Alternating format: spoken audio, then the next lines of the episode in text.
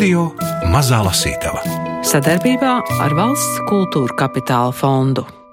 Tikpat labi šo grāmatu var lasīt, neko par to pat nenojaušot un, un nezinot, un kā saka pats perakstā, mājas dekonstrukcija nav obligāta, lai viņā paviesotos pabūtu. Viens Parīzes nams, šķērsgriezumā, ja tā var sacīt, bez fasādes sienas, kurā mēs redzam tās telpas, cilvēkus, lietas. Nams Parīzē Simona Kribelie ielā 11. Žorža Pereka fani dodas svētceļojumos uz Parīzi un meklē šo namu velti, jo tas ir fikcija. Tomēr visapkārt ir īstenība, Esiet uzmanīgi. Žorža Pereka biezajā grāmatā Puzlē dzīve lietošanas pamācība ir gan formas ierobežojumi, gan stingra struktūra, gan šaha zirdziņa gājieni, gan sistēmas kļūdas, matemātika un literatūra. Grāmatā ir divi tulkotāji - Gita Grīnberga un Dens Dimiņš.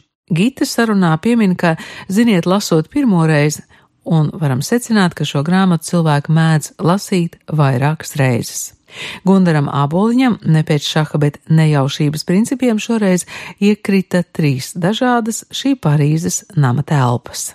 Viņš pats saka, tas viņa nolūks varētu būt mēģināt nekad neuzrakstīt divas līdzīgas grāmatas, nekad neizmantot eh, to pašu sistēmu, paņēmienu un tā tālāk, un tā kā viņš ir rakstījis romānus, esejas, radio lūgas, kā viņš saka, tas varētu mulsināt dažkārt kritiķus, kuri, teiksim, vēl arī lasītājus, kur tiecas atrast kaut kādu to vienu rakstnieku rokrakstu, bet viņa gadījumā tas vienmēr katreiz ir stipri atšķirīgi.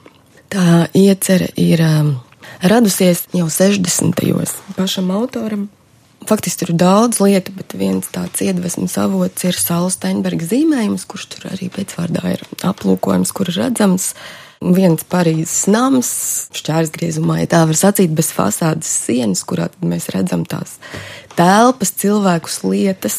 Devītā nodaļa - kalpones istabas. Trīs.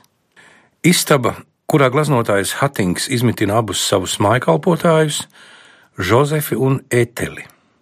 Jozefs Nieto ir šofers un melnstrādnieks. Gadus 40 vecs, paragvajietis un izbijis tirzniecības flotes vecākais matrozis. Etele Rohersa ir 26 gadus veca holandiete, nolīgta par pavāri un veļas pārzini.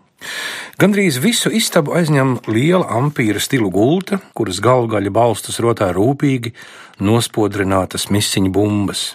Etele Rohersa mazgājas un pošas pa pusē aizslēpusies aiz rīsa papīra aizslietņa, kas apgleznots ar ziedu motīviem un kam pāri pārmesta liela apdrukāta kašmīra šalle. Nieto baltā izšūtā kraklā un melnās biksēs ar platu siksnu guļ izstiepies gultā. Kreisajā rokā pie acīm pacēlis vēstuli ar rombu veida pastmarku, uz kuras uzdrukāts Simona Bolivāra attēls.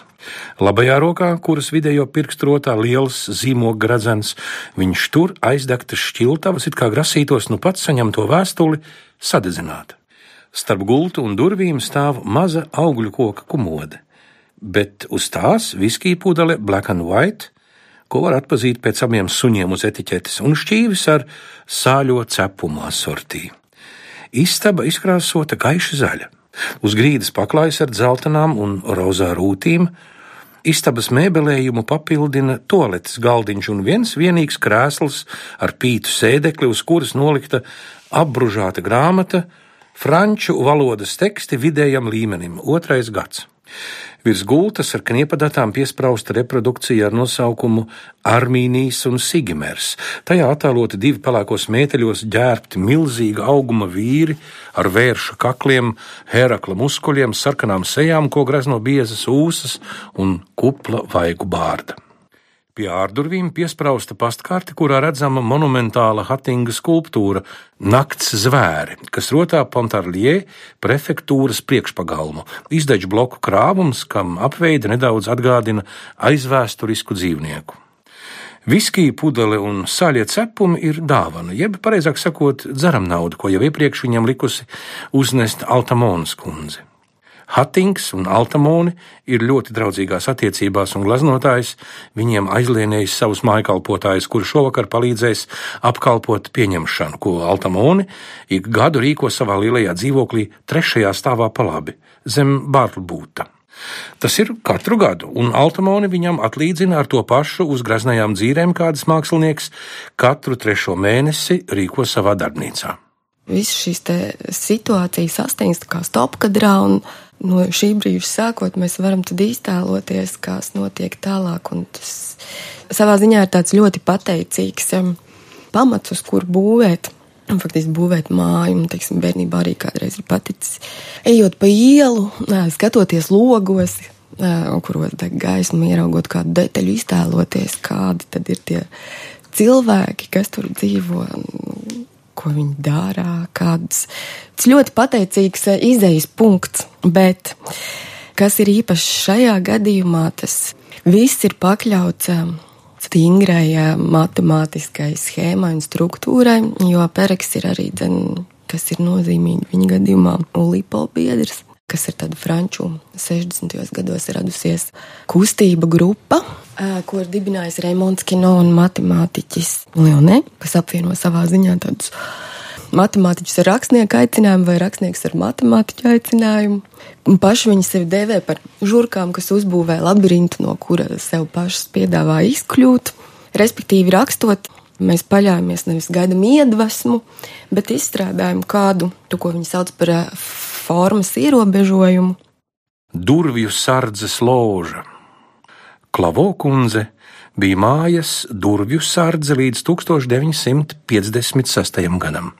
Vidēja auguma sieviete, pelēkiem matiem, plānām lūpām, ap galvu mūždien apsiets tabakas krāsas lakatiņš, uz krūtīm, izņemot pieņemšanu vakarus, kad viņa apkalpoja garderobi, melns priekšauts ar zilām puķītēm.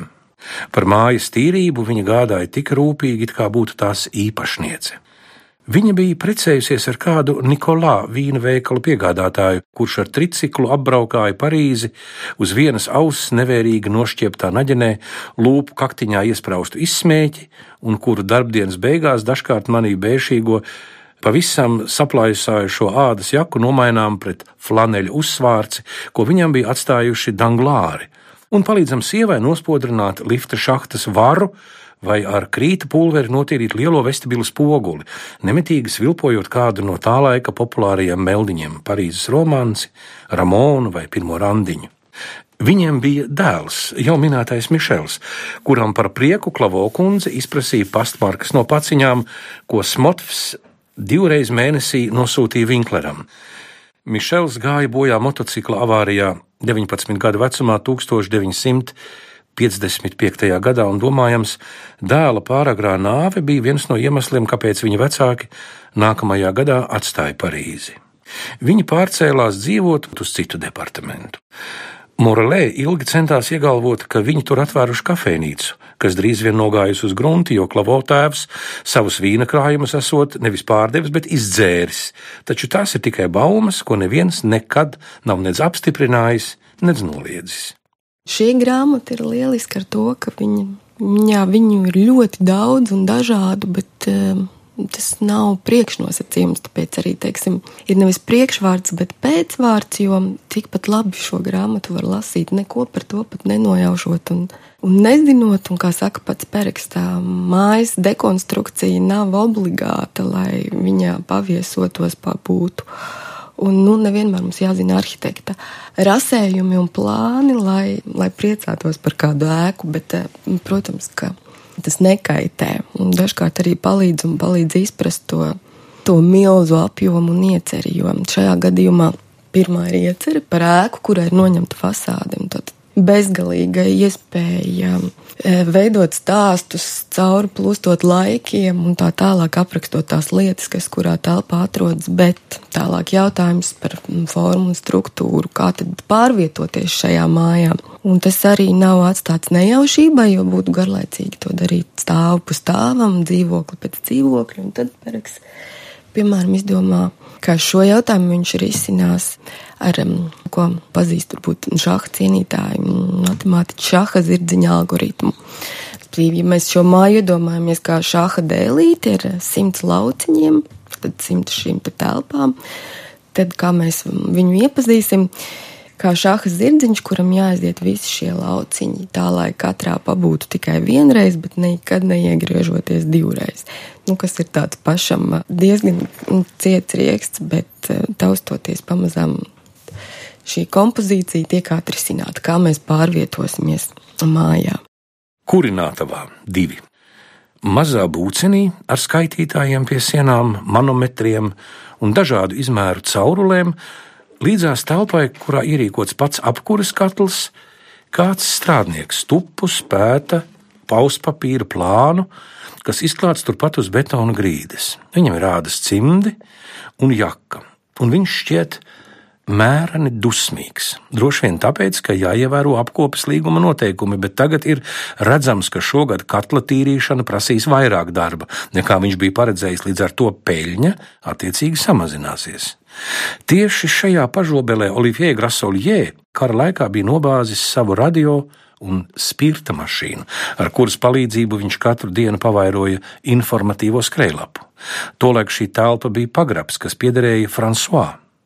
Olivier zināja, ka viņam nāksies šeit pavadīt ilgas stundas, un to pienācīgi labiekārtoja, rūpīgi aizbāžot visas spraugas ar veciem kājslauķiem, lupatām un korķa atgriezumiem, ko viņam bija iedevis Gaspārs Vinklers.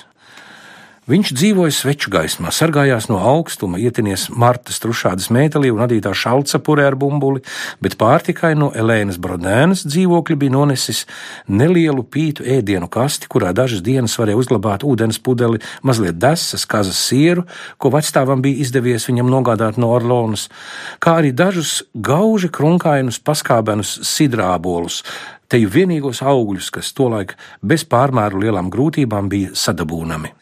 Viņš sēdēja vecā Luja 15. stila krēslā ar ovālu atzveltni, bet jau bez parocēm. Turklāt tam bija tikai divi ar pus kāju, tā ka līdzsvaru saglabāšanai viņam nācās izmantot veselu lērumu, ķīļu un balstu. Uz pabalējušās violetās apdares bija redzams, kas līdzīgs Ziemassvētku ainai. Jaunava Marija, kam kliepja atdusas jaundzimušais ar nesamērīgi lielu galvu, bet dāvinātāja un austrumu gudro lomā, gan bez ēzeņa un vērša, bīskaps ar diviem akolītiem pie sāniem, visapkārt negaidīta klinšaina ainava, kas pāriet no vēja labi pasargātā ostā ar marmora pilīm un rozīgiem jumtiem, kuru aprises izzūd vieglā migliņā. Lai īsinātu garās stundas, kamēr radio bija izslēgts, viņš lasīja biezu romānu, ko bija atradis kādā kastē. Tam bija izrautas entās lapuses, un viņam nācās piepūlēt iztēli, lai sasaistītu aprakstītos notikumus. Cita starpā romānā figurēja ļauns ķīnietis. Drosmīga brūnacaina meitene, garš miera mika, kam dūres sažņaudzās un pirkstu kauliņi kļuva balti, kad viņu izdevās nokaitināt pa īstam, un kāds Deivis, kurš teicās nācis no Natālas, Dienvidāfrikā, kaut gan nekad tur nebija spēris kāju. Citiem lāgiem atkal viņš rakņājās ap apskratušiem nieciņiem, kas bija sabāzti apspūrušās, pusizjukušās klūdziņu lādēs. Viņš tur uzgāja vecu 1926. gada piezīmi grāmatiņu, pilnu ar veciem telefona numuriem, korseti, nodzeltējuši akvareli ar slidotājiem uz ņēvas, mazus hašetu klasiķu izdevumus, kas ar citātiem modināja sāpīgas atmiņas. Roma vairs nav Romā, tā ir tur, kur esmu es. Vai, jā, Agamemnons ķēniņš tavs, es tevi augšā ceļu. Vai slavenais, ja vietas maz, tu cinna vari zemē pasēdēt, ja runāt sadomājis esi, brīdi paklusē. Un citas tirādes no Mitridata vai Britānika, ko vajadzēja iekalt, un atskaitīt bez aizķeršanās, neiedziļinoties saturā. Viņš atrada arī vecas rotaļlietas, visdrīzāk tās pašas, ar kurām bija spēlējies François. Vilciņu ar atspēri un krāsotu svina nēģerēnu ar atslēgas caurumu sānos. Tas bija galīgi plakans, ja tā var teikt, jo sastāvēja no puslīdz kopā salāgotiem diviem profiliem, un ķēra tam bija aplams saliekta un salauzta. Radioaparātu Oliviers slēpa kādā citā rotaļlietā. Kastē, kuras ieslīpajā virsmā bija saurpti savulaik sanumurēti caurumiņi. Skaidri saskatāms bija tikai skaitlis 0,3. Šajos caurumiņos vajadzēja iemest metāla žetonu, un šo rotaļlietu sauc par mucu vai vārdi jo uz visgrūtāk sasniedzamās atveres bija attēlota vārde ar milzīgu plati atvērtu muti. Ar spirtu darbināmā pavairojumā mašīna, neliels modelis ar kādu restorānu īpašnieki mēdza drukāt ēdienkartes, bija noslēpta kāda lupatu groza apakšā. Kad tika arestēts Pols Ebērs, vācieši kvartāla atbildīgā Berlū vadībā ieradās veikt kratīšanu pagrabos, tomēr Olivier pagrabām uzmeta tikai paviršu acu mirkli. Tas bija putekļainākais un pārbāztākais no visiem, un likās maz ticami, ka tajā varētu slēpties kāds terorists. Parīzes atbrīvošanas laikā Olivier būtu gribējis cīnīties uz barikādēm, bet viņam šāda izdevība netika dota. Ložmetējs, kuru viņš bija glabājis pagultē, jau pirmajās galvaspilsētas sacelšanās stundās tika uzstādīts uz kādas klišī laukuma mājas jumta un nodots pieredzējušu šāvēju brigādē. Pats Oliviers saņēma pavēli palikt pagrabā un gaidīt instrukcijas, kas nāca no Londonas un malu malām. Viņš nosēdēja tur 36 stundas no vietas, ne ēdis, ne gulējis, un viņa vienīgais dzeramais bija nebaudāms aprikozu sulas surrogāts. Viņš pieraibināja vairākus blociņus ar mīklainiem ziņojumiem, piemēram, mācītāja māja nav zaudējusi nenieku no savas burvības, tāpat kā tās graznais dārzs, vai arī arhidiakons ir kļuvis par Japāņu biljardu meistaru, vai arī viss kārtībā ak cienījamā kundze un ik pēc piecām minūtēm tos savāca ķiverotu ziņnešu bari.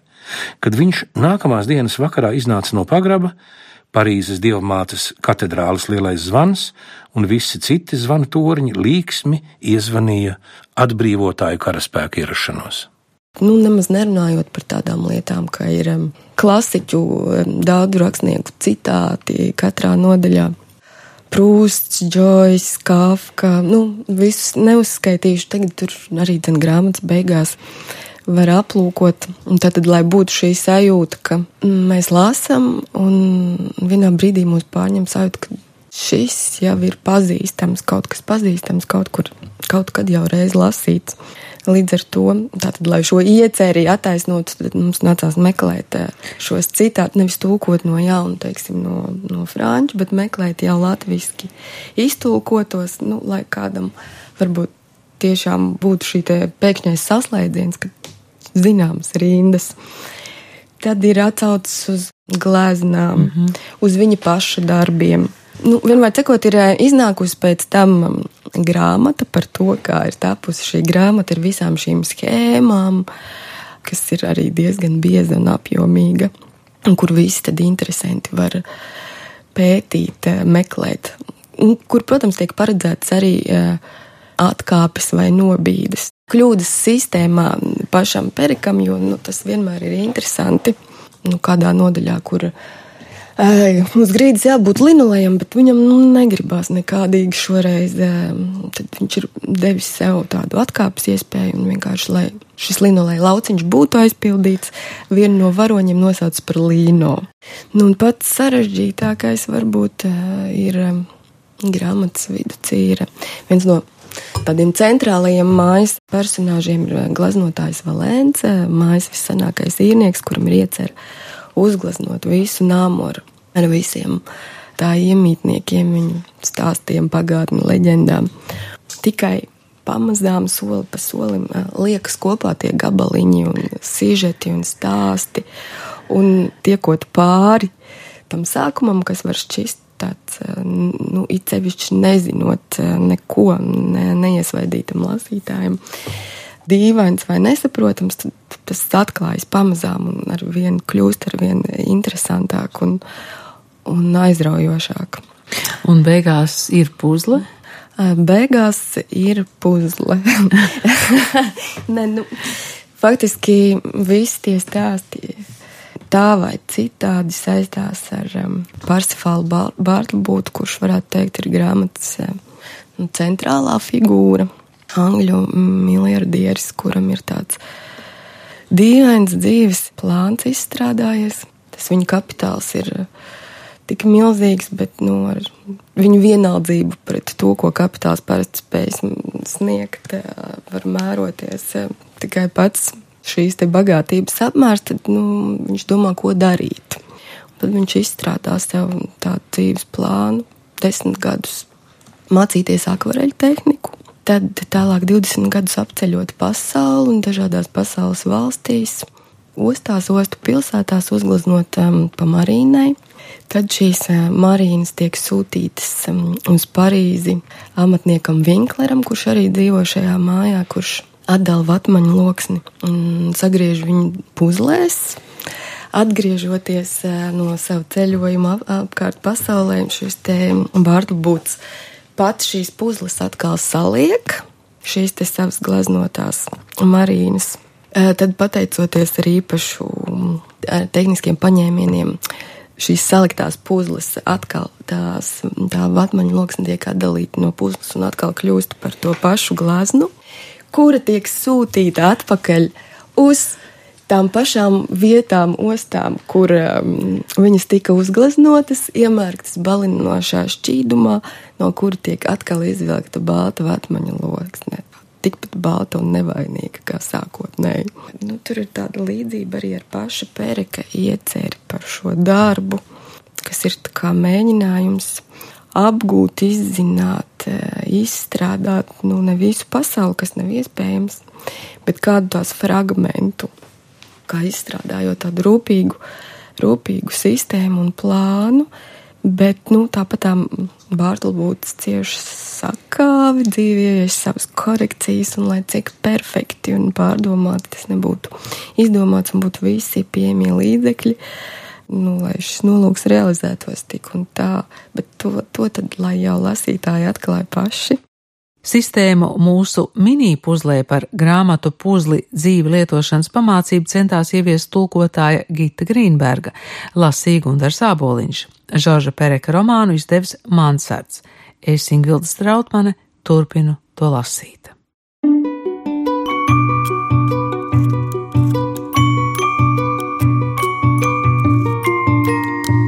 Radio Mazā Lasītava sadarbībā ar Valsts kultūra kapitāla fondu.